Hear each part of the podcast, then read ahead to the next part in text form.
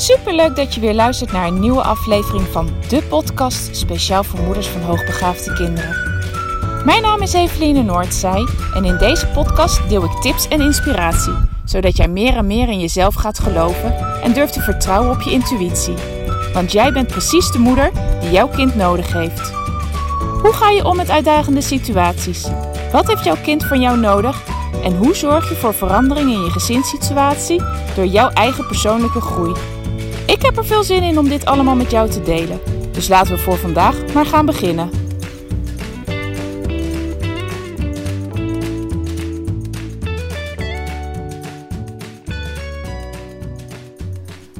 Een hele goede morgen, middag, avond, wanneer je deze podcast dan maar ook beluistert. Ha, lieve luisteraar. Nou, maandagochtend. In ieder geval voor mij, als jij dit hoort, is het zeker al dinsdag geweest, want deze gaat dinsdag online. En ik ben heerlijk weer aan het wandelen.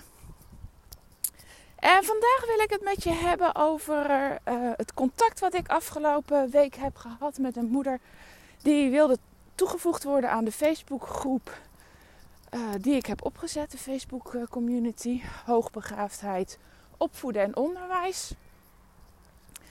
En zij had zich aangemeld en ik stuurde haar even een persoonlijk bericht om haar welkom te heten. En ik stelde ook gelijk een vraag, omdat zij had aangegeven dat ze heel graag in deze groep wilde.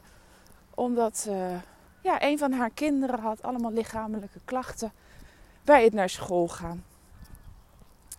Nou ja, allereerst het hebben van hoofdpijn, van buikpijn, van andere vage lichamelijke klachten. de psychosomatische klachten, natuurlijk kan er altijd iets aan de hand zijn, maar heel vaak zijn het psychosomatische klachten. Dus het zijn klachten die voortkomen met name uit stress. En dat is iets wat we heel veel zien bij hoogbegaafde kinderen. Uh, ik hoor ook regelmatig van ouders terug van ja, we hebben het kind helemaal laten onderzoeken en er komt niks uit. Nee, dat verbaast mij heel vaak ook gewoon niet, omdat op het moment dat je heel veel stress hebt en je zeker als kind niet weet wat er precies speelt en er ook niet altijd de juiste woorden aan kan geven, ja, dan moet die spanning er ergens een keertje uit. En dat gebeurt dan gewoon op lichamelijk niveau. Dus uh, heb jij een kind dat mogelijk hoogbegaafd is, of waarvan je zeker weet dat het hoogbegaafd is, en er spelen allerlei lichamelijke klachten. Besef dan in ieder geval dat het heel goed mogelijk is, en die kans is echt nou, ruim 90%, dat je te maken hebt met spanningsklachten. En dat wat je het dan op dat moment kan doen. Ik moet heel even aan de kant, want deze auto zag me geloof ik niet. Uh, wat je dan het beste kan doen is op zoek gaan naar waar heeft mijn kind zoveel spanning van? Waar, wat is de reden dat hij die spanning ervaart? En wat kunnen wij er met elkaar aan doen? En de ene keer zal dat in de thuissituatie de oplossing liggen. De andere keer ligt hij op school. Maar ergens zit de oorzaak. En op het moment dat je die kan achterhalen en die kan omturnen naar wat jouw kind op dat moment nodig heeft. Goedemorgen. Dan, uh, ja, dan kan je dus de volgende stap zetten. Uh, zo hoor ik heel vaak van ouders terug na, na, nadat ik ze heb uh, onderzocht, de kinderen heb onderzocht. En ze meer krijgen van school.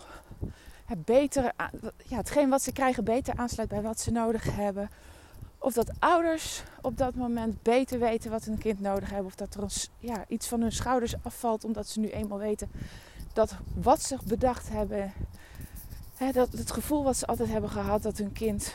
Ja, dat er iets met hun kind is. En niet in de zin dat het vervelend is, maar dat het kind anders is dan andere kinderen. En dat ze nou eindelijk ja, weten, zwart op wit hebben, uh, wat maakt dat het kind anders is. In hele positieve zin van het woord. Hè? Uh, maar ja, dan valt er ook vaak bij ouders een last van hun schouders af. Nou ja, heel vaak hoor ik dus als er eenmaal duidelijkheid is of het kind krijgt wat het nodig heeft, ja, dat ook de lichamelijke klachten verdwijnen.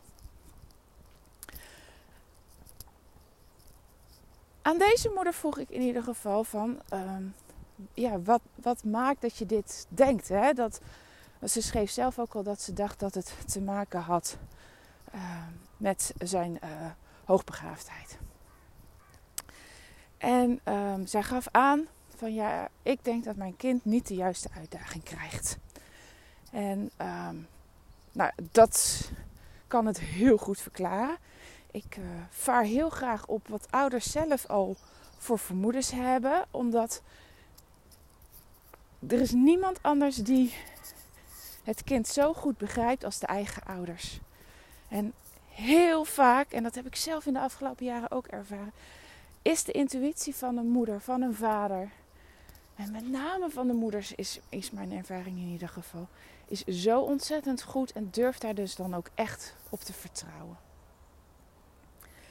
En we hadden het er zo over en ze zei van ja, uh, maar het, wat hij kan, wat ik denk dat hij kan en wat ook op basis van het onderzoek wat er gedaan is, gezegd wordt dat hij kan. En hij heeft die cognitieve mogelijkheden. Het komt er op school niet uit. En nou dat, ja, dat kan een heleboel oorzaken hebben. Maar een van de meest voorkomende oorzaken is dat de lesstof niet aangeboden wordt op de manier die past bij jouw kind. En nou wil ik niet alle hoogbegaafde kinderen op één hoop gooien, want zo werkt het ook niet. Ieder kind is gewoon een individu. Maar wat we heel vaak zien, als, als ik even in zijn algemeenheid mag spreken, is dat hoogbegaafde kinderen het niet goed doen in, de reguliere, in het reguliere onderwijs, omdat ze alles in hele kleine stukjes aangeboden krijgen. Nou, zo is ons onderwijs opgebouwd. Hè? Kinderen krijgen iets aangereikt, een klein onderdeel van het grote geheel wat ze moeten leren. En dat moeten ze eerst onder de knie krijgen voordat ze de volgende stap kunnen nemen. En dat opbouwen in die hele kleine brokjes is voor een groot deel van de kinderen prima.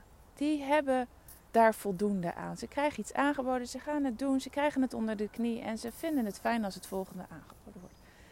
Maar heel veel hoogbegaafde kinderen vinden dit niet fijn. En dat komt omdat zij vaak leren vanuit het geheel.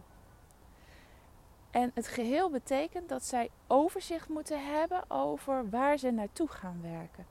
Wat is de bedoeling? Waarvoor moet ik dingen leren? De waarom erachter.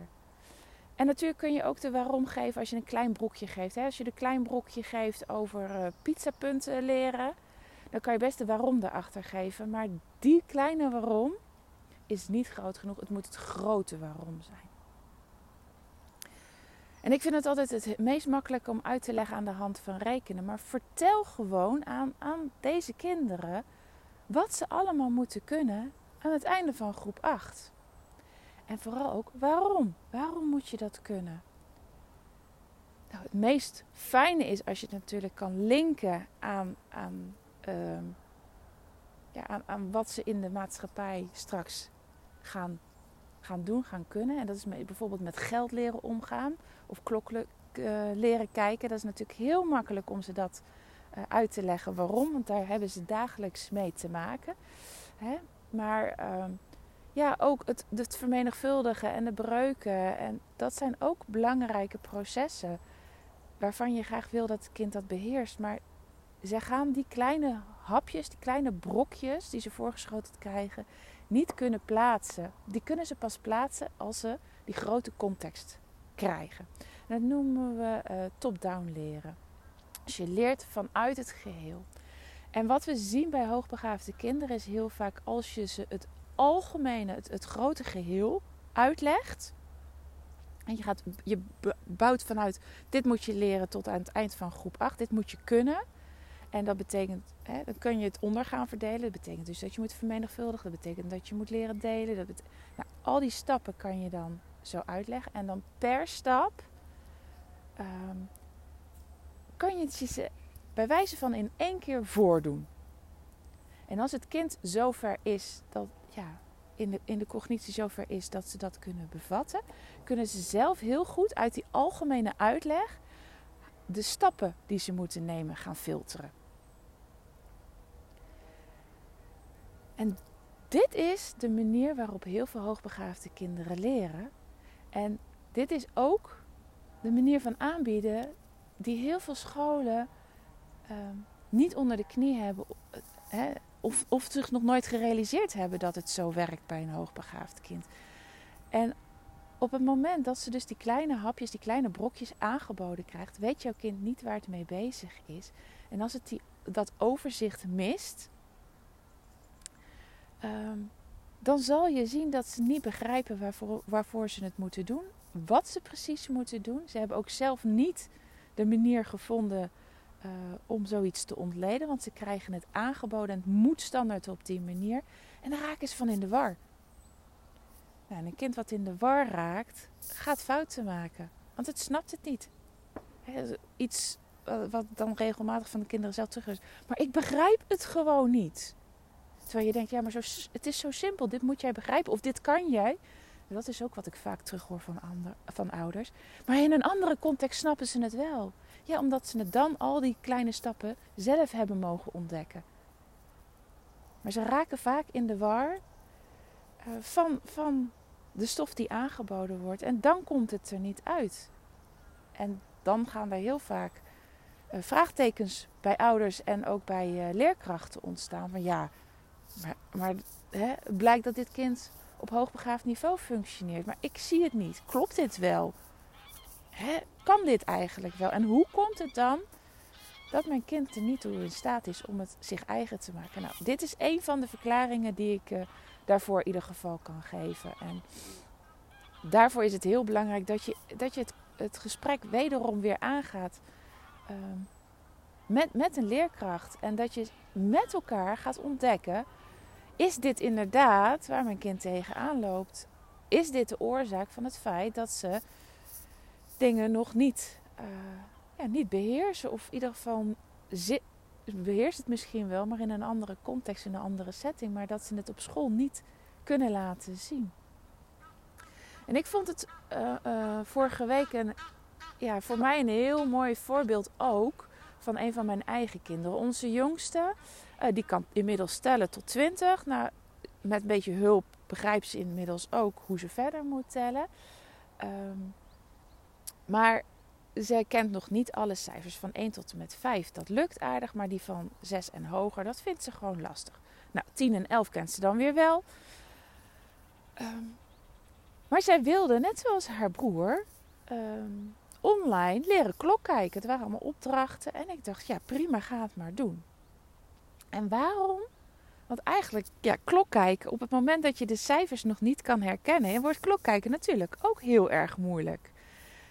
Uh, en dat is ook wat ik heel vaak van leerkrachten terughoor. Ja, maar ze beheersen het ene nog niet, dus gaan we nog niet door met het andere. En ik kies er juist wel heel bewust voor om door te gaan met het volgende.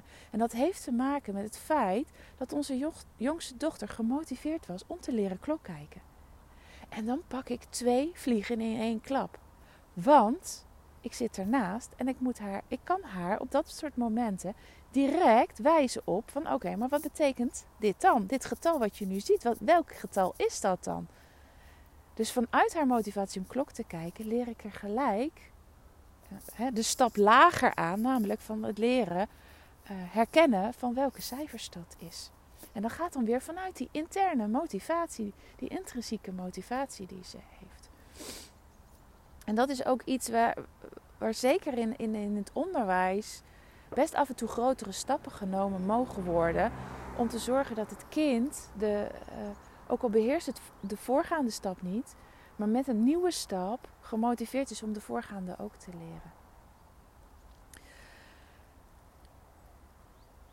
Dus dit is in ieder geval een van de mogelijke redenen dat je kind eh, niet, niet uit de verf komt binnen het onderwijs. Namelijk het grote geheel niet overzien, de stappen niet begrijpen, daardoor zo ontzettend in de war van kunnen raken, waardoor het er niet meer uitkomt wat er wel daadwerkelijk aan, aan mogelijkheden, aan potentie in jouw kind zit. Mocht dit zo zijn dat je zegt van ja, dit, dit is het inderdaad, dit is het echt hè. Ga alsjeblieft met de leerkracht in gesprek. Ga hierover praten en kijk wat je voor je kind kan bereiken. Want dit is, het is namelijk eeuwig zonde op het moment dat je kind hier over struikelt, terwijl het er wel daadwerkelijk in zit. En ehm, dat is zonde, omdat ze de stappen niet gaan maken. Maar het is nog meer zonde, omdat je kind motivatie gaat verliezen om, de vol, om, om te, ja, leergierig te blijven.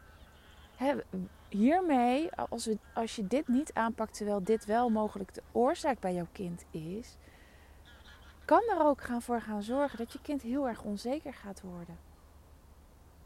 Dit gaat twijfelen aan zichzelf. Ja, maar ik krijg dit niet voor elkaar. Ik kan het niet. Ik kan niks. Het lukt me niet.